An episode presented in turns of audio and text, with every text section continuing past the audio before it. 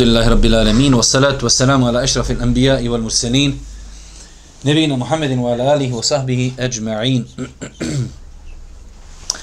To se svaka zahvala pripada uzvišom Allahu te baraka wa ta'ala salavat mir i selam na Allahu poslanika Allahu minika Muhammed alihi salatu wa salam njegovu časnu porodcu njegovu a ashabi sve ljude koji slijede put istine do sudnjega dana.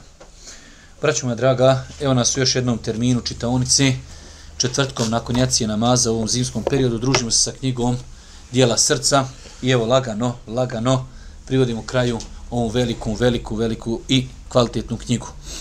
Rekli smo da smo počeli govoriti od prošlog četvrtka u knjizi, znači imamo prvi dio knjige, možda dvije trećine, ako ne i više, tri četvrtine knjige govori o pozitivnim stvarima, dobrim dijelima vezani za srce. Nakon toga autor je, koliko znam, šest bolesti koje mogu napasti ljudsko srce obradio na jedan izuzetno kvalitetan i dobar način i na kraju koliko zna ima još poglavlje samo pokajanja i teubi. Večera se družimo sa jednim isto veoma bitnim i potrebnim e, pitanjem, a radi se o gafletu nemarnosti. Naime, kao što znate, svako od nas sama činjenica da je insan, sama njegova činjenica da, da živi s narodom, izlazi, na ulicu, miješa se s ljudima, vidi grijehe, pa i on čini grijehe, mnogo je faktora koji utječu na insana, jednostavno sve to slabi. Sve to slabi insana, slabi njegov iman i samim tim insan ulazi u neki gaflet, ulazi u neki nemar. Pogotovo ako vidite da generalno danas u islamu se vodi jedna jaka, jaka medijska kampanja protiv islama. Islamofobija je jaka nije lako trpiti neprestano taj naboj, te pritiske, gdje god odeš ljudi bulje u tebe, gledaju u tebe. I s druge strane vidiš da su se ljudi odali Dunjaluku neopisivo, neopisivo. Znači, ovo što mi sad živimo na Dunjaluku je zaista jedan historijski period kad su ljudi zinuli na Dunjaluk neograničeno, a s druge strane nezadovoljni. Ljudi uživaju nijamete od auta, od mobitela, od laptopa, od kuća, od stanova, od svega nečega i opet ljudi nezadovoljni, ljudi zaista, e, zaista težak period koji ostavlja traga na čovjeka vjernika. Jednostavno insana udari, spuca ga taj neki gaflet, spuca ga ta neka nemarnost, spuca ga taj neki futur, neka slabost, jednostavno insan ko insan, slab, Tako da ova tema, znači govorimo večeras o, o nemarnosti, mislim da je mnogo, mnogo bitna tema za sve nas. Daj da vidimo šta kaže terminološko značenje pojma nemarnost. Pod gafletom se podrazumijeva gubljenje osjećaja prema onome što zaslužuje da mu se posveti pažnja. Zaborav na ono što zaslužuje da se zna za njega, kratko rečeno nemarnost prema bitnim stvarima kad ti neko rekao, hajde definiši nemarnost, sam kaže, što ti je nemarnost? Što ti budem više pojašnjavao za komplikovaću. Ali eto, autor je ovdje pokušao na jedan jednostavan i lagahan način da pojasni šta je to nemarnost. Nemarnost je da se zaboravi one stvari koje su bitne u životu, odnosno da se prema bitnim stvarima čovjek odnosi nonšolantno ili šta ja znam indolentno. U svakom slučaju, znači, imamo bitne stvari, ali mi smo prema tim bitnim stvarima jednostavno hladni, u nekom smo nemaru i tako dalje. Vjerujem da svakom je od nas dođe taj period i vidjet ćemo mi poslije kada budemo govorili o vrstama nemara. Nije sporno da insana zadesi bolest nemara ajde da kažemo pola sata, sahat, dan, dva, to je nešto što je normalno za insana, e, odgovara našoj prirodi, ali da insana spuca gaflet neki pa ga drži tri godine i onda nakon tri godine ode još jedan level niže, to je problem. Tako da, znači, ljudska priroda je logično je iman, kao što znate po definiciji ehli sunneta ul džemata, raste i opada. Pa insan nekada doživi jednostavno vrhunac nekog svog imana, te ibadeti, te plaće, te uči Kur'an, te zikri, ide, sjedi u autu, radi dobra djela, gdje god stigne. I onda odjednom naleti taj neki period, ma sam sebi težak. Teško u džamiju, teško učiti Kur'an, teško zikret i tako dalje. Tako da, znači taj neki periodični gaflet i nemar, inšala bizna, on nije sporan To je nešto što mora se desiti insanu, ali je problem ako to traje, ako ta groznica trese čovjeka dugo. Da vidimo šta nam kaže širijetski stav o gafletu.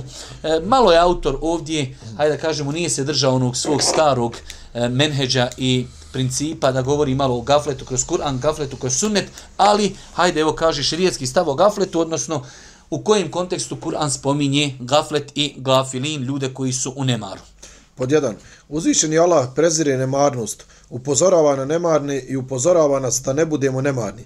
Čak upozorava i svoga vjerovjesnika Muhammeda sallallahu alaihi wasallam da ne bude od nemarnih pa kaže i spominji svoga gospodara ujutro i navečer u sebi, ponizno i sa strahopoštovanjem i ne podižući, podižući jako glas i ne budi od nemarnih. Allah Đelšan se obrata, obraća poslaniku, a samim tim, ako se obraća njemu koji je stojao toliko dugo noćno namazu, su mu noge oticale, kao vrhunac pogobojaznosti i, i, i svega drugog, Allah Đelšanu kaže, nemoj da budeš ti od nemarni, nemoj da budeš u, gafet, u gafletu, spominji Allah Đelšanu, budi mu pokuran, dovi i tako dalje.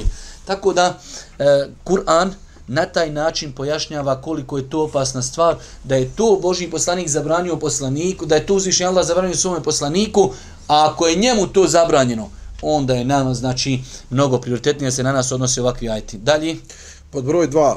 Zabranjuje nam uzvišeni da se družimo sa nemarnima pa kaže Budi čvrsto uz one koji se gospodaru svome mole ujutro i navečer u želji da lica njegovo zasluže. I ne skidaj oči svojih sa njih i želje za sjajem u životu na ovom svijetu. I ne slušaj onoga čije smo srce nemarnim prema nama ostavili, koji strast svoju slijedi i čiji su postupci daleko od razboritosti. I ne slušaj onoga čije smo srce nemarnim prema nama ostavili. Ne slušaj, nemoj biti blizu. I vjerujte, evo danas sam nešto baš imao priliku s jednom osobom da razgovaram koliko traga na čovjek ostavlja društvo. Vi, evo, ma neću sad ispašće da sam, da sam problematičan ja, ali doista veoma često ćete vidjeti da se uvijek insan druži sa nekim komu odgovara, znači i vjerom, i ponašanjem, i mnogim drugim stvarima. Pa i u ovom kontekstu, Allah Đelšanu zabranjuje da se bude sa nemarnim. Ako ti budeš sa nemarnim, pitanje je dana kada ćeš i ti oboliti od te opake bolesti. Jer insan možda i dođe da u momentu i hajde reknemo ja kimanski pa se počne družiti sa lošim društvom, sa nemarnim ljudima i prema Allahovim granicama i prema haramima i prema obavezama i lagano čovjek ne osjeti da njegovo srce slabi. Zato vjerujte, vjerujte, u današnje vrijeme je mnogo bitno s kime se družite. Mnogo je bitno s kime se družite. Da insan pazi da ne uleti neko društvo koji će samo sjedi, kahva, hodanje, zezanje i tako dalje. Insan treba da bude svjestan izazova vremena u kojem živimo. Jedan od faktora kako se može spasti jeste dobro društvo, jedan od razloga kako može oslabiti. Znam da ne reknim desetine ljudi koji su otišli s puta istine samo zbog lošeg društva. Pa ovdje Allah Đeršanu kaže i ne slušaj onoga čije smo srce nemarni prema nama ostavili. Nemoj biti kod njega, nemoj ga slušati uopšte, bježi dalje od takvog insana. Broj tri. Uzvišen je Allah kori nemarne pa kaže za njih. Oni znaju samo spoljašnju stranu ovog svijeta, a prema drugom svijetu su nemarni. Oni znaju samo dunjaluk. Daj mi auto, daj mi sad, daj mi mobitel, daj mi uživanciju, daj mi namore. Samo dunjaluk on, oni su prema ahiretu, gafletu, ne, nema su jednostavno sve ono što vodi prema ahiretu, od namaza, od posta, od zikra, od sadake, od dobročinstva, nema i nemarni su. Pa vidimo da je opet uzvišnji Allah subhanahu wa ta'ala spominje u negativnom kontekstu. Broj četiri. Teško li se onima koji svoj život na Dunjaluku provedu u nemaru i na tome okončaju svoj život?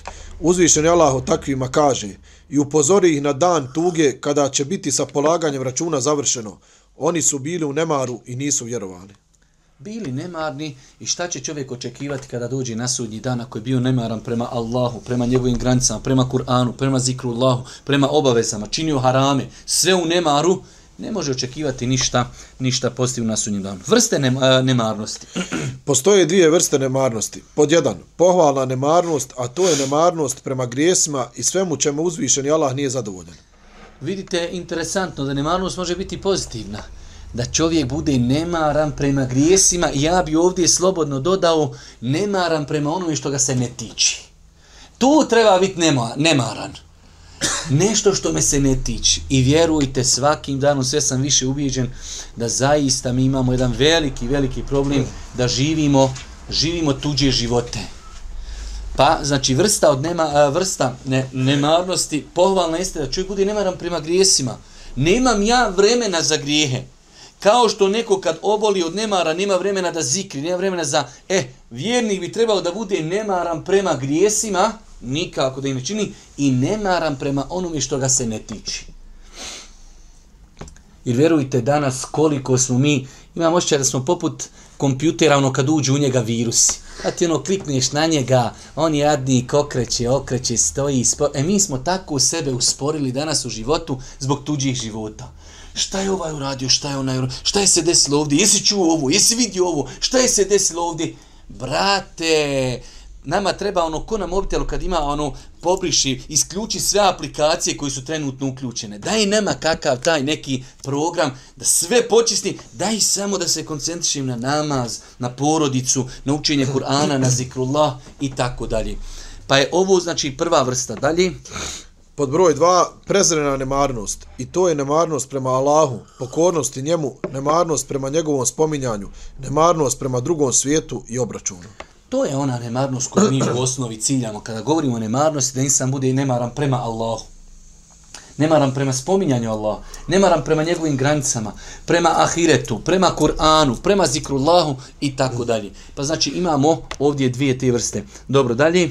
Vrste prezrene nemarnosti. Uh -huh. Pod jedan, trenutačna nemarnost koja se javlja na trenutke čak i kod dobrih vjernika. Međutim, oni se brzo bude iz nje i postaju svjesni. Ko što Allah Đelšanu govori, kaže, kada vjernike dotakne šeitan, pa kaže, oni, oni se spomenu Allaha, fe idha hum mubsirun, vrati se. Tako insanu dođe mu taj neki period, ali ga taj period, znači, ne drži dugo. Saha, dva, dan, dva, čovjek kaže, nisam nešto dobar, nisam nešto horan, dobro, sve to u redu. Ali ako ti vidite, to drži mjesecima i ti toniš, prije si, šta ja znam, redao namaz obavljao, učio Kur'an, zikr, jutarnji, večernji, dobročinstvo i tako dalje. Vidiš da to sve lagano toni, znači to je već, to je već nemarnost koja ima znači neke druge, neke druge faktore, nije to nešto što je sekundarno djelovalo ni se na broj 2. Nemarnost koja se često javlja i ponavlja, a koja se nalazi pri velikim grešnicima od muslimana, naročito dok čine grijehe. To je ta nemarnost opet o kojoj mi govorimo. Znači imali smo gore pozitivna nemarnost, negativna, ta negativna ima povremena, ima tra, koja često dolazi i dugo traji. To je ono što, zadesa, što je zadesilo velik broj muslimana i šta kaže potpuna... Pod tri, potpuna nemarnost kojom žive nevjernici. Potpuno su nemarni prema Allahu i drugome svijetu. Poput su životinja, ne znaju zbog čega su stvoreni, niti zbog čega žive. Hvala Bogu, nadamo se da mi nemamo s ovim problema, ta potpuna nemarnost, da čovjek ne vjeruje u Boga, ne vjeruje u sudnji dan, ne, ne vjeruje u ahiret, ne radi za Allah, Đelšanu, to je za nas muslimane potpuni nemar. Potpuna, apsolutna udaljenost od Allaha. Ali mi se bojimo da ne daj Bože, taj naš nemar koji nas zadesi povremeno, povremeno, da ne daj Bože se ne primaknemo ovoj vrsti nemara. Nakon toga autor nam je počeo govoriti, ovo je poglavlje malo podugo, mi ćemo morat neke stvari malo i rezimirati, neke malo i preskakati, ali razlozi koji vode do nemarnosti. Kada god čovjek elaborira određenu stvar, veoma je bitno da ponudi zašto nešto nastaje, kako se od nečega liječiti, kako se od nečega sačuvati i tako dalje. Pa je ovdje autor spomenuo nekoliko stvari koje bivaju razlogom zašto insana zadesi taj gaflet i nemar. Pa da vidimo šta kaže. Pod jedan, traganje za rahatlukom i uživanjima na ovom svijetu. Mm -hmm. Kao što to većina ljudi čini zaboravljajući, zaboravljajući da rahatluk dovodi do umora, propasti, kajanja i žaljenja. Većina ljudi živi da bi jelo i pilo, svoje prohtjeve zasjetilo i ispunilo, zaboravljaju na dan u kojem će se za sva uživanja biti pitano. Taj dan ljudima se približio, ali oni bahato u nemaru se okreću od ove činjenice. U traganju za dunjaličkim strastima, ukrasima, strastima i slastima, čovjek zaboravlja na uzvišnog Allaha, zaboravlja na ahiret. Prenosi Abdullah ibn Mesud radi Allahu anhu da je poslanik sallallahu alaihi wasallam rekao primakao se sudnji dan, a ljudi povećavaju žudnju za dunjalukom i tako se od Allaha samo udaljavaju. Znači, vi znate, smo i dosta puta govorili. I veoma je bitno i ovakve citate od šehova i daija i ulemije ispravno razumijete. Vidjet ćete poslije jedan doći jedan hadis gdje Allah poslanik, baš sam se danas malo baš bio i, i onaj, zadevjero da nađem ispravno njegovo razumijevanje i značenje. Mm.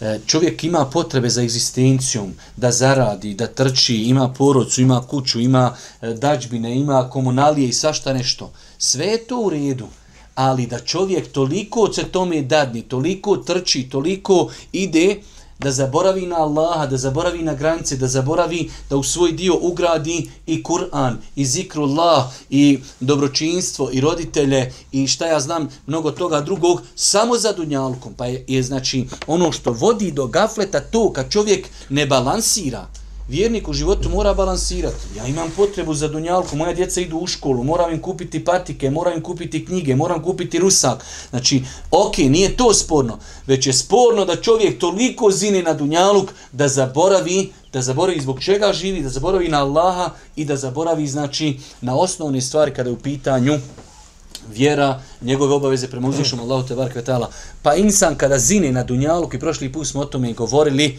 ko tobe jarabi, imate ljudi, usta su mu volika. On kad zini, on zaboravi na sve ostalo.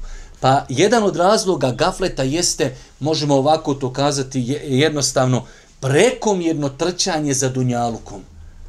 Ali da čovjek ide za dunjalukom onoliko koliko mu je potrebno i s druge strane u svemu tome balansira, pa malo za dunjalkom, pa malo za ahiretom, pa malo za dunjalkom, pa malo za ahiretom, kao što su govorili e, prvim, prvim generacijama, sa'atu sa'a, malo za dunjaluk, malo za ahiret, malo za dunjaluk, malo za ahiret, to je dobro. Ali da ne, čovjek ne bude da krene samo za dunjaluk i zaboravi bude u gafletu, znači naspram uzvišnog gospodara. Broj dva. Gubljenje osjećaja prema grijehu kod većine nemari, nemarnih navelo ih je na upražnjavanje grijeha doživljavanja slasti u grijehu i zaborava na Allaha. Jedan od razloga koji vodi ka, ne, ka nemarnosti jest u grijesi. Kad čovjek ima grijesi, grijesi, grijesi, šta će ti grijesi eh, na kraj krajeva, eh, kakav će biti njihov plod? Ama, apsolutno nemar. Jer znate onaj hadis kad poslanik kaže srce ljudsko, kad god uradi grijeh, crna tačka, crna tačka, crna, dok ne preplavi. Kad to preplavi, kaže, ljudsko srce postaje kao čaša prevrnuta. Ne razlikuje dobro od zla. Nema više, taj čovjek nema senzora da, da, da se ti senzori pali da kaže, halo, ode ti previše, zaborio si na Allaha, zaborio si na Ahiret. Nema. Jednostavno, grijesi su preplavili njegovo srce. Broj 3. Sjeđenje strasti vodi ka nemaru prema Allahu i drugom svijetu. Kako je predhodilo u 28. ajetu sure Al-Kef i kako o tome govori uzvišni Allah u sure Nazijat. A što se tiče onoga koji se bude bojao stajanja pred svojim gospodarem i koji svoju dušu sačuva strasti, pa doista će njegovo prebivalište biti u dženetu slijedjenje strasti, mi smo prošli ders imali kompletan slijedjenje strasti i zaista autor da ga Allah nagradi zaista na jedan jedinstven i lijep način obradio ovu tematiku slijedjenje strasti. Definitivno slijedjenje strasti to je bukvalno ide insan u pravcu gafleta. Sam gaflet i slijedjenje strasti to su amidžići, tetići, braća. Znači jednostavno jedno uz drugo ide. Broj pit. Prekomjerna igra i zabava. Veliki su razlog nemara. Stoga je vjerovjesnik sallallahu alejhi ve sellem upozoravao na prekomjerno bavljenje igr, prekomjerno bavljenje igrama u njegovo vrijeme, pa je rekao kako prenosi Ibn Abbas radi Allahu anhuma: Ko bude stanovao u pustinji, postaće grub, Ko bude slijedio ulov, postaće nemaran. Ko dođe na vrata sultana, bit će iskušan. Uh mhm. -huh. Hafiz ibn Hajar Ahmehullahu ta'ala kaže, spomenuto se odnosi na konstantno upražnjavanje, bavljenje poslom, spomenutim poslom toliko da to čovjeka odvraća od vjerskih koristi i slično. Uh -huh. Kad je ovakav slučaj slovom, šta tek onda reći za današnje elektronske igrice na računarima, telefonima i slično, zbog koji se neće osim ukočiti prsti, oslabiti vid, usporiti, otupiti razmišljanje i izgubiti se mnogo vremena koje se mogao provesti u činjenju brojnih dobrih dijela. E to je onaj hadis o kojim sam malo prije govorio. Znači, prekomjerno igre i zabavi vodi insana u gaflet. Ali ovdje je riječ, znači moramo obratiti pažnju prekomjerno. Pa je opet ovdje ispravno razumijem da čovjek treba u životu da ima balans ide malo za nafakum, pa ide malo na ders, pa ide malo učiti Kur'an, pa ide malo sa porodicom e, na izlet, ali sve u granicama. Gdje god čovjek da ode previši, da sjedi danas, e, šta ja znam, 7-8 sata igrice, igrice, to je već previši e, i tako dalje. I pogledajte, u to vrijeme, Allah poslanik Ali sad sam kaže, ko bude slijedio ulov, lovinu, postaće nemaran. U smislu da to bude njegova preokupacija. Ovdje je samo lov spomenut kao nešto u to vrijeme gdje su ljudi provodili mnogo vremena. I danas dan, uzmite ako hoćete, e, porazgovarajte malo sa ribolovcima. Ljudi, znači, stoje, stoje 12 sati u vodi i peca ribe. I na kraju upeca ribu i pusti je opet.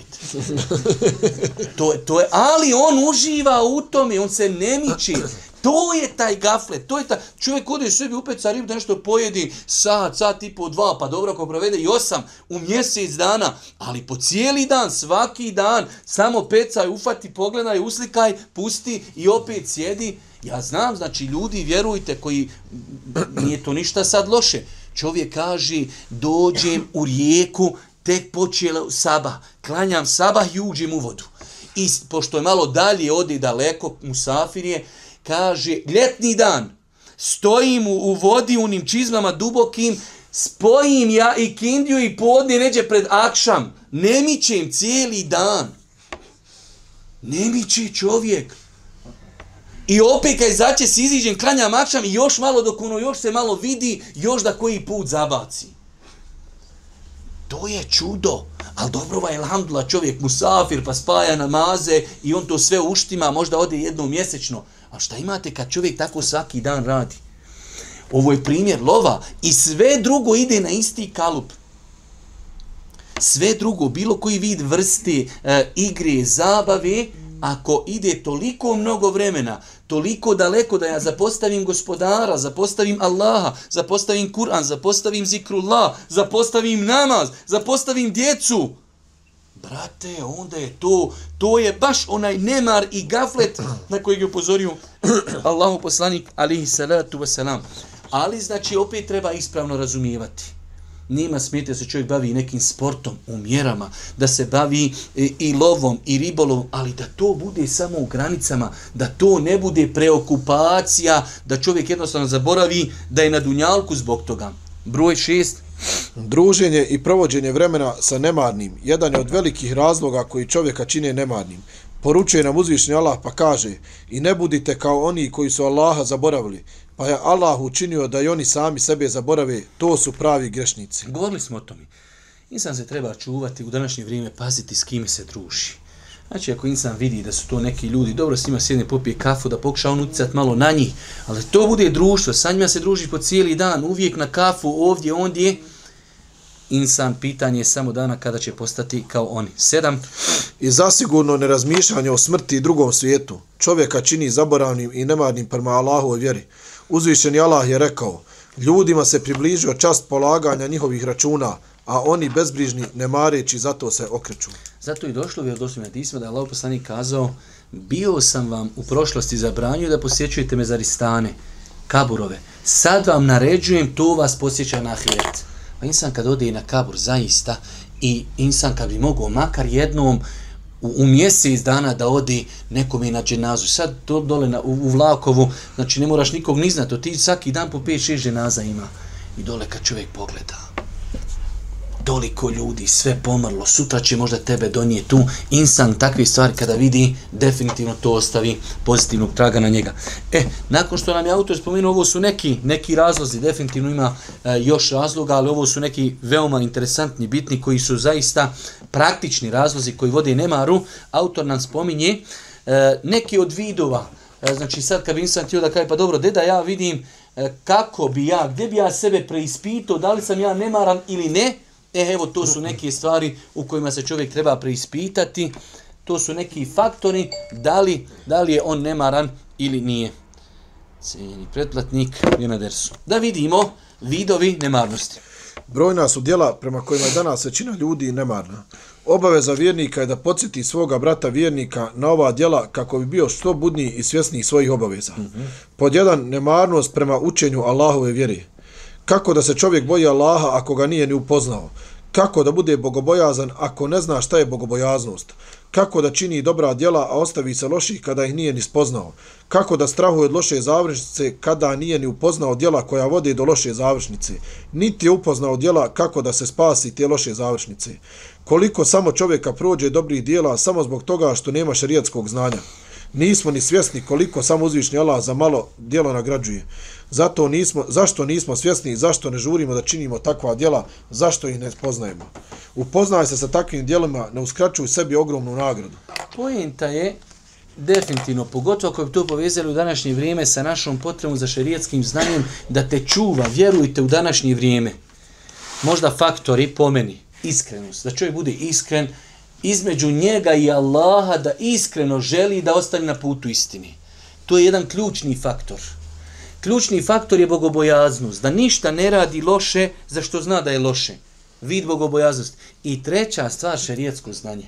To su po meni možda tri najvitnija faktora koji čovjeka čuvaju danas da ne skrini s pravog puta. Iskrenost te čuva da Allah zna da je u tom srcu iskrena namjera i on će ti pomoći. Bogobojaznost te čuva da ne uradiš nešto loše, a znanje ono te usmjerava. Aha, svi ljudi odoši, ja neću. Nije sad nešto da se falim, ali nako, hoću da kažem, kad insan nešto kad nešto, imaš svoj princip, imaš svoje zamisle, kad smo bili zadnji put, prije mjesec i pol, dva, ne znam nija kad, na umri, i odemo da posjetimo gore onaj sahat, gore mi na 400 metara, fino tamo kad odeš poslije Ikindije, završiš tu svu posjetu, već Ezan s akšamom završaj. Znači, i mi izišli na onu veliku terasu sa dozgor Kijaba, znači, mi smo na 400 metara, i uči Ezan, I sad, svi ljudi koji se tu zadesili, ništa ljudi se poredaše u safove, dole hođa klanja, oni ko za njim u džematu klanjaju. Ja kažem svoje grupi, reko ljudi, kako god ošte, ja neću klanjati. Ne mogu ja ovdje klanjat, mi na 400 metara dole čaba, nema saf. Jesu, oni su gore proveli zvučnike, ti sve čuješ, ok, ali po kojoj verziji da ja se povodim dole za tim imamom? Hoću da kažem, kad imaš znanje, znanje te čuva. I ti ljudi su to otklanjali, ode, to Allah najbolji zna koliko je ta ispravan namaz. I mnogo drugih stvari u toku dana, koliko ti je potrebno šerijetsko znanje.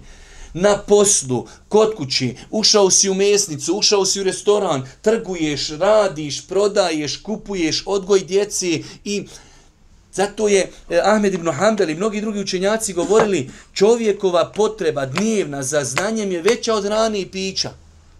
Čovjek dnevno može jednom da jedi. Može ne da ne jedi nikako. Čak imate vrstu posta, čovjek dva, tri dana posti jedan za drugim, ništa ne jedi. Ali danas, od momenta dok ustaniš, proučiš dovu, buđenja i sna, odlazak u WC, pa abdes, pa namaz, pa ideš na posao, pa vraćaš se, pa trguješ i tako dalje. Tebi stotinu puta dnevno treba šerijetsko znanje. Pa je naj, jedan od najopasnijih vidova kad se čovjeku desi gaflet i nemar prema šerijetskom znanju teško mu otvoriti knjigu pročitati, teško mu otići na predavanje, teško mu e, nešto istraživati i tako dalje. Definitivno da je to jedna opasna stvar gdje se manifestuje čovjekov gaflet i nemar. Dobro, broj dva. Nemarnost prema Allahovoj knjizi Kur'anu. Danas je vrlo mali broj oni koji znaju učiti Allahovu knjigu ne podučavaju se njoj, iz nje ništa ne pamti, a i ne radi mnogo po njoj. Iako ovo jedina knjiga u koju nema sumnje, iako uspije zagarantovan onome ko bude radio po njoj, iako je vjerovjesnik sallallahu alejhi ve sellem rekao da će onaj koji bude vješto učio Kur'an biti u društvu meleku pisara, da će Hafiz biti na ahiretu na onom stepenu koliko bude pamtio ajeta, da će Kur'an doći na sudnji dan i zauzmat se za svoje učače, da će se učač Kur'ana zauzmat za svoje bližnje i još mnogo toga. Ja, pazite, ja sam isti. Ja sam isti. Ali, ja sjećam jedne prilike, dok sam dobro studirao na magistratu, jednom sam u životu vidio čovjeka koji sjedi na semaforu i drži Kur'an i uči čeka dok se upali na semaforu zeleno. To je jednom u životu sam vidio. A koliko puta je čovjek vidio insana koji sjedi na semaforu i vozi i, i čita nešto i gleda. Isto to vrijeme bi sam mogao provesti za Kur'anom samo onog momenta kad bi shvatio vrijednost Kur'ana. Pa je definitivno htjeli mi to priznat ili ne. Hvala Allahu, ima hajra i ljudi se vraćaju vjeri, ljudi uče Kur'an i sve to fino. Ali definitivno daleko smo mi od neke pozitivne nule na koje bi trebali da budemo u pogledu Kur'ana. Zato je Osman od Jalotan govorio da su vaša srca čista, ne bi se mogla zastiti Kur'ana. To je apsolutno. Znači, formula 1 kroz 1. Evo ja sad dok dođem sa Alpašom, sjedim samo auto, komulac, kakav, mogu proučiti, znaš koliko, po džuza, koga znam napamet do ovdje dok dođem, dok dođem do Bistrika. Ja onako razgledam, gledam imam kakvi oglasa, džegod, ne znam nija šta razgledam, put znam na pamet, ali eto, šutiš i tako dalje. Ali da čovjek jednu strancu uzme, po, ne znam, ba, pometan, pa uči kulhu non stop, od Alipašnog do ovdje, možeš ga proći sto puta. Deset puta ako prouči kulhu valla, poslanik kaže, bit ćemo napravljena kuća u džennetu. Jednom proučiš kulhu valla, trećina Kur'ana, tri puta, cijeli Kur'an, nagrada. Ali kakvi usta zapečena, vrate, ko da su armiranim betonom zavezana. Gaflet prema Kur'anu. Definitivno gaflet, gaflet prema Kur'anu. Da vidite kako Allah Đelšan kada nekome da, imate on emisije, onaj putnik sa, sa Kur'anom, pa čudo, čudo. Čovjek vidi ljude, dijete od 5-6 godina, slijepo i nauči Kur'an. I zadovoljan, i sretan, i vesel, i jednostavno znači tada insan vidi koliko smo mi u gafletu, koliko smo daleko od Allahovog govora, a nema šta, znači to je 1 plus 1. Sve dok umet ne bude, znači na prvu ljestvicu, na prvo mjesto, na najveći prioritet stavljo Kur'an i ajete i razmišljanje o tome, nema naprijed. Znači mi se možemo zavaravati, mi možemo tapkat, mi možemo se mučiti, ali dok to ne satimo, nema dalje. Definitivno. Prvi tri. Nemarnost prema zikru, sjećanju i spominjanju uzvišenog Allaha. Koliko li je ljudi čije se usne i čija se srca ne sjećaju Allaha, ne pokriču se radi njegovog spominjanja. I pored toga što su koristi zikra brojne, nesagledive, brojni su ljudi koji osvanu i zanoče, a ne spominu svoga gospodara. Dost. Vjerujte, i ovo je jedan od velikih pokazatelja koliko je danas insan u gafletu.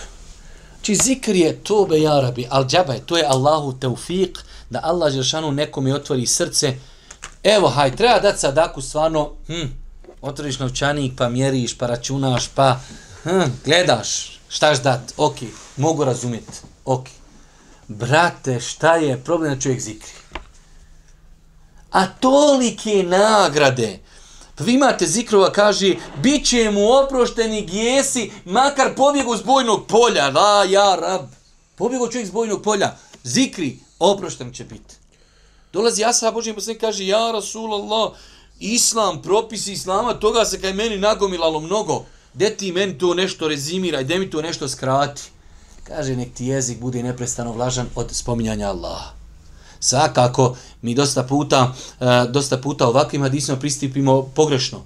Ovdje se podrazumijeva se, klanjaj namaz, posti, daj zekijat, to su obaveze, to oko toga nema kompromisa, oko toga se ne razgovara. Ali nakon toga, zikrullah, veličanje uzvišnog Allaha te barke ve ta'ala, pa je to jedan od pokazatelja koliko su ljudi u gafletu i koliko su nemaru.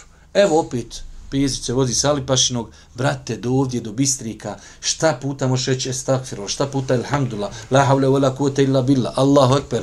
I tako da sve zikrove koji znaš da potrošiš i da pokupiš pokupiš zaista dosta nagrada. Ali je to jedan od pokazatelja, jedan od pokazatelja da je insan u gafletu i da je u nemaru. Broj četiri. Nemarnost prema nijetu od kojeg zavise sva djela. Mnogi muslimani su nemarni prema nijetu, usred koji im djela ne bivaju uopće primljena ili u onolikoj mjeri ukoliko bi mogla biti primljena.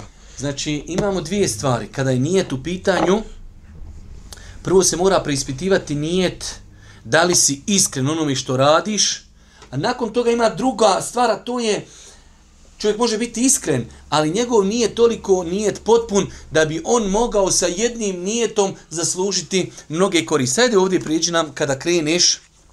Kada kreneš do džamije da namaz obaviš tim svojim dijelom na nijeti, pod jedan, odazivanje mu ezinu na poziv za namaz i razlikovanje od šeitana koji bježi od ezana i kameta. Znači, evo čovjek krenu u džamiju. Ono, standardno, ono, šta ću idem u džamiju da klanjam? Pogledajte koliko je ovdje autore naveo 13 različitih namjera i nijeta koji čovjek može imati kad ide u džamiju.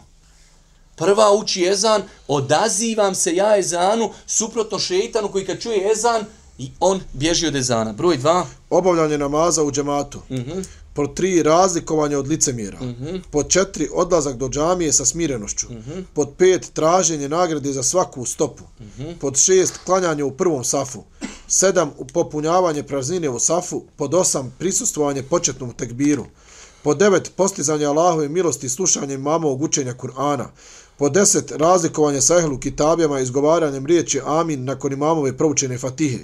11. Učenje teđvida za imamom dok uči Kur'an namazu. Razlikovanje sa šeitanom prilikom odlaska na seždu jer je on odbio da padne na seždu kada mu je naređena. I po 13. Upoznavanje stanja svoje braće muslimana i mnogo toga drugog. Čovjek sa jednim odlaskom u džamiju može nanijetiti mnogo toga. Evo, autor je navio 13 različitih namjera i sve su te namjere bez obzira neke manji ili veći, ali sve su one legitimne u islamu i svaka od njih ima svoju težinu i može se zanijeti kada čovjek krene u džamiju. Evo još jedan primjer, veoma lijep, interesantan primjer.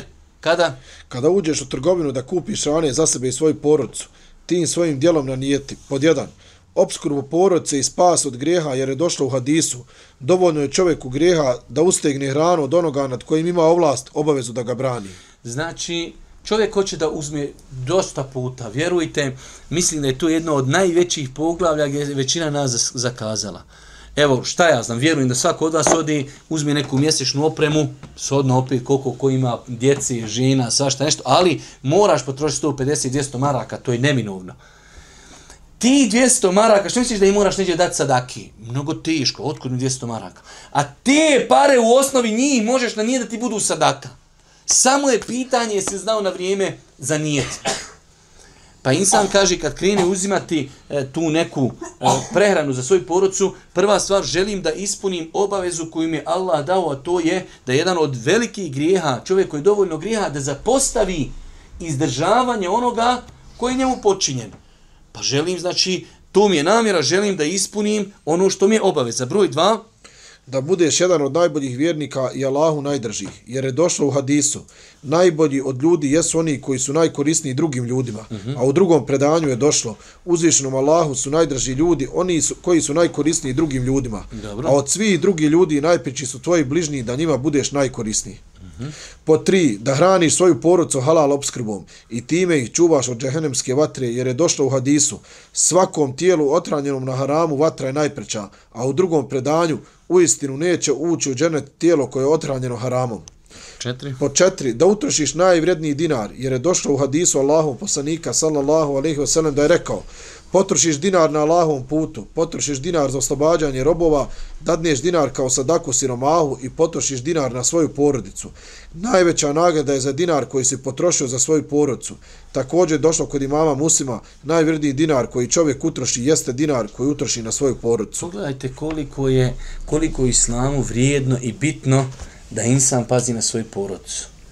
Znači ovaj hadis, da insan ga nije čuo da ti neko drugi postavi pitanje, nije bi niko od nas odgovorio tako.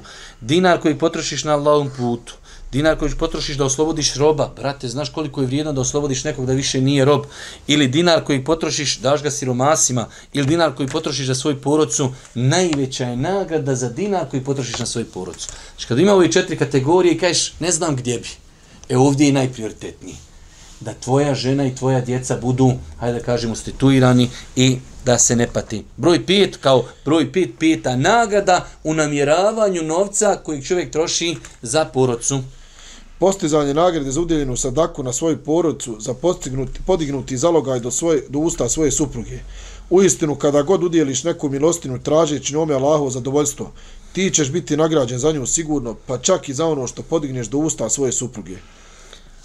Sad ovdje nećemo govoriti da je poslanik naveo da je to jedan primjer, da li mi podižemo, e sad to je nešto drugo. Ali je i to sadaka, znači čovjek novac koji utroši na svoju porodcu, ako namjerava, to je isto sadaka. Čak ovdje gore kada ja sam mislio da će autor spomenuti taj hadis kad kaže e, da hraniš svoj, e, ne, da budeš jedan od najboljih vjernika došlo je vjerodostojno hadisu hajrukum hajrukum li ehlikum. Najbolji među vama su oni koji su najbolji prema svojim porodcama.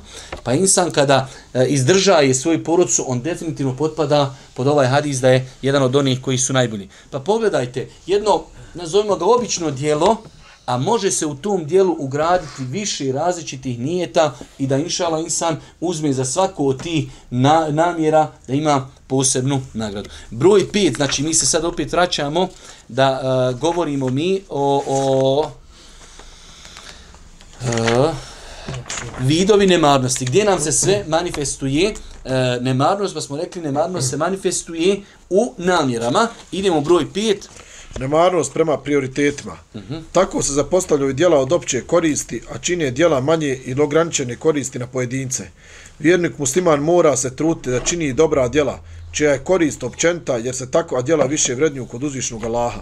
Ebu Hureyre radi Allahu an prenosi da Allahu poslanik sallallahu alaihi wasallam rekao onaj koji pomaže u dovici i siromahu poput je borca na Allahovom putu ili je rekao poput je klanjača koji ne prekida sa namazom i postača koji ne prekida sa postom. Nemarnost insan treba u životu, čak su islamski učenjaci išli toliko daleko, toliko su posticali na iskorištavanje vremena, čak kaže kad imaš mogućnost da uradiš dva dijela, jedno dijelo se vezuje samo za tebe, a drugo njegova korist je prilazno karakteru, uradi ovo drugo, jer je uvijek u islamu teže i bolje dijelo čija korist je prilaznog karaktera. Pa evo ovdje vidimo do te mjeri, jel danas teško čujemo neka sestra e, ima hudovica ili je e, žena u penziji, nema ko da se o njoj brine, čovjek pokrije neku akciju, hajde da je kupimo paket, hajde da je odvedemo doktoru, Allah poslanik kaže, onaj ko pomaže hudovicu i siromaha, poput je borca na Allahom putu. Znači neko tamo gini, negdje neko se bori na lavom putu, insan brine o ove dvije zapostavljene kategorije u društvu, o hudovici, o siromahu, kaže on je na stepenu nivou muđahida na Allahom putu ili kaže poput je klanjača koji ne prekida sa namazom i postača koji ne prekida post. Čovjek cijeli dan posti i cijelu dan najveće klanja, insan koji se brine o ove dvije kategorije društva, na istom je stepenu kao ovaj insan. E, broj 6, samo naslov. Nemarnost prema govoru. Nerijetko, nerijetko nam se dešava danas da, da velik broj muslimana ne pazi na ono što govori. Nemarni smo u pogledu, znači, recenzije onoga što govorimo. Minimalno što padamo jeste da se pačkamo oko onoga što nas se ne tiči, a da ne govorimo koliko je gibeta, koliko je nemimeta, koliko je potvori, koliko je... E, mi nismo danas, jednostavno, toliko smo zatrovani medijima, vjerujte da čovjek kad bi naše postupke, naše, naš govor, vagao šerijatom, vagao islamom. Znate koliko mi dnevno imamo potvora? Znate mi koliko danas imamo e, stvari koji su i tekako opasne islamom? Čuješ tamo negdje na medijima, šta ja znam, oni mogu, u smislu mogu, ne boje se Boga, ti ne možeš. Ovaj političar ukru, i niš čisto onako ukru. I ti to, išću, šta su rekli ukru? Brate, nedokazana stvar, haram, potvora. No to se prenosi normala. Da ne govorim kako ljudi jedni od drugima e, čovjek učinio blu, čovjek učinio nemoral. Vi znate kako je to islamu opasno. Prenosi su su četvorca ljudi došli Omeru radi Allahu Taranu da svjedoče za blud. Pa jednog Omer kaže, jesi li vidio? Jesam. Drugi, jesi vidio? Jesam. Treći, jesi vidio? Jesam. Četvrti, jesi vidio? Pa Omere, vidio sam nešto kaj na kamari, šta ja znam, nešto je bilo. E, hajde sad se četvorca potvora. Trojica kažu vidjeli. Sam četvrti kaj pa eto nisam siguran. Aha, od vam. Potvaraš brata muslimana. Danas kakva trojica, kakva četvorca. Danas je glavni izvor po našim saznanjima, nezvanično, od naših dopisnika sa inicijalima m.a neprovjereno, ništa, ovoliki članak u njemu laži, potvora, nema šta nema. Ne smije se musliman spustiti na taj nivu da to prenosi, da vjeruje u to, da to širi, da se raduje tomi. Pa insan mora pazit. To što se neko drugi ne pazi. Ma ne interesuje mene. Mora insan paziti na svoje postupke mora insan pasti na svoj govor. Šta kaže posljedice? Posljedice nemarnosti. nemarnosti. Pod jedan, zasluživanje kazni na Dunjaluku. Uzvišen Allah kaže za faraona i njegov narod. I mi ih kazni smo i u moru ih potopismo, jer su znamenja naša poricali i prema njima nemarni bili.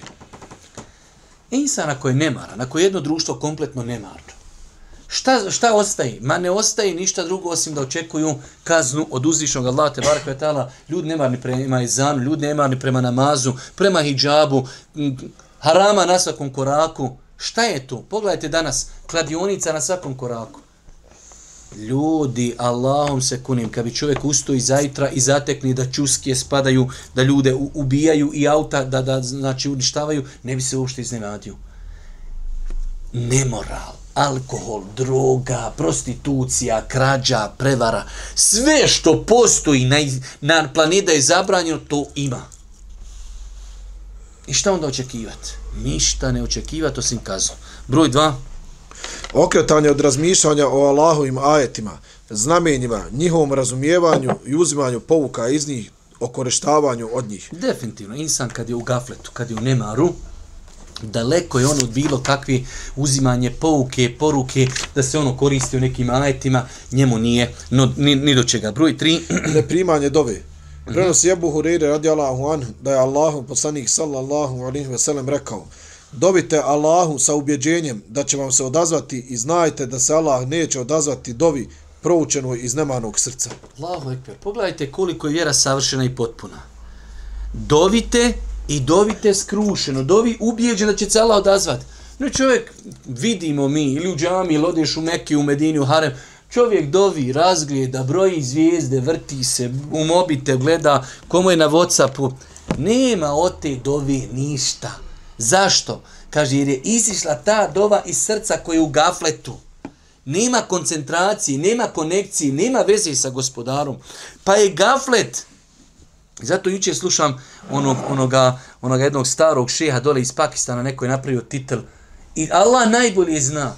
Ali doista ti pogledaš dole kod Kjabi za Ramazan, dva miliona ljudi za 27. noć dovi, ja rab, ja rab, ja rab, ništa, sutra opet iste stvari. Prije dođe bitka, jedan musliman se nagne naš sab, ja rob, pomozi. Pff, odneši meleci, sve odnesu. Ljudi u gafletu, ljudi u nemaru. Da ne govorimo o našim grijesima, odnosu prema gospodaru i tako dalje. Pa jedan od razloga se dova ne primi jeste svakako i e, znači da dova iziđe iz srca koji je u gafletu. Dalje. Prepuštanje šeitanu, loša završnica, kajanje i tugovanje i ulazak u vatru. Definitivno, znači, insan kad je u gafletu, prepuštanje šetanu. Insan kad se prepusti šetan, kad je u gafletu, definitivno da će se šetan sa njim poigravati. Insan koji je u gafletu, ne očekuje ga ništa osim loša završnica, kajanje i svašta drugo. Imamo na kraju, imamo na kraju nekoliko stvari koje je autor spomenuo, e, što je lijepo, iako po meni poprilično siromašno, ali evo mi ćemo i pročitati. E, kako liječiti gaflet i nemarnost? kako liječiti gaflet i nemarnost, ja bih generalno rekao, pošto se radi o dijelima srca, znači sve stvari koje jačaju iman, one se mogu e, spomenuti ovdje. Ali evo ovdje autor je spomenuo nekoliko posebnih stvari, ali generalno svaka stvar koja jača iman, ona će čovjeka probuti iz tog gafleta i nemara. Kada je jak iman, sigurno insan tada nije u gafletu. Tako da ovi, znači nekoliko stvari, vjerovatno je autor spomenuo samo zbog njihove posebnosti. Prva stvar, Zikrom, kako je rekao uzvišeni Allah, ispominje gospodara svoga ujutro i navečer u sebi, ponizno i sa strohopoštovanjem i ne poduži, podižući jako glas i ne budi od nemarnih. Mm -hmm. Onoliko koliko čovjek bude daleko od zikra, toliko će biti daleko i od uzvišnog Allaha. I onoliko koliko pristupi zikru, toliko će i biti svjestar svevišnjeg Allaha. Ovdje je- nije pojenta, dosta puta se nama dešava da čovjek svede taj zikr, zikrullah, na, na, na, na ono, hajde da kažemo, forma, samo stakfirullah, stakfirullah, stakfirullah, ne. E, Ibn Taymi je govorio u jednom od svojih dijela o tome, čovjek će inšala biti nagrađen za zikrullah koji rekao i nije razmišljao o njemu.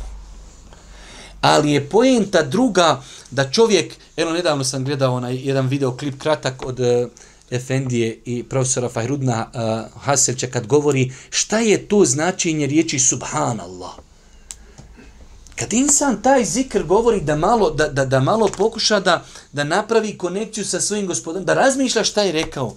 Subhanallah znači nema uzvišeni Allah nikakvu mahanu. Allahu ekber, Allah je najveći. La haule wala kuvvete illa billah. Nema snage, nema moći, ne može se ništa na planeti desiti. Ne može se ovo pomjeriti ovako osim sa Allahovom dozvolom. Elhamdulillah, Allahu ekber, la haule wala kuvvete illa billah. Estagfirullah. Da to, taj zikrullah, da ima dušu da razumijemo šta govorimo, da to jednostavno bude naša veza sa Allahom, izlazi iz kuće kaj, bismillah, tevokeltu ala Allah, ali da to govoriš iz ubjeđenja, sa Allahovim imenom izlazim, na Allaha se oslanjam, bismillah, tevokeltu ala Allah, Brate, ništa.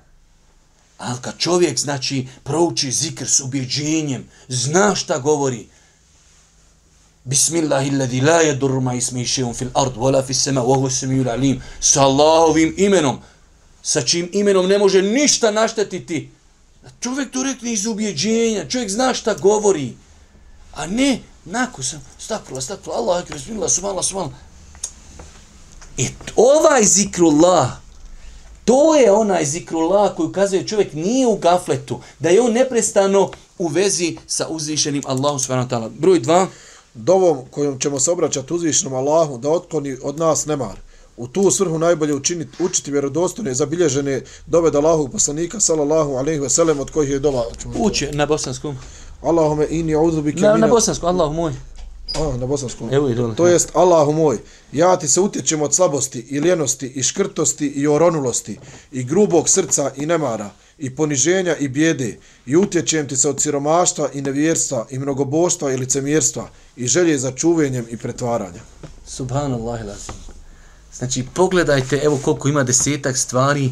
Svaka od tih stvari zaslužuje da je čovjek istakni posebno dovi Allahu Đelešan. Kaže, Allahu moj, utječem se od slabosti od ljenosti, od škrtosti, od oronulosti, od grubosti srca, od nemara, učijem se budem ponižen, od bijede, učijem se od siromaštva, od nevjerstva, od mnogoboštva, od licemjerstva, od želje da se pročuje za mene i od pretvaranja.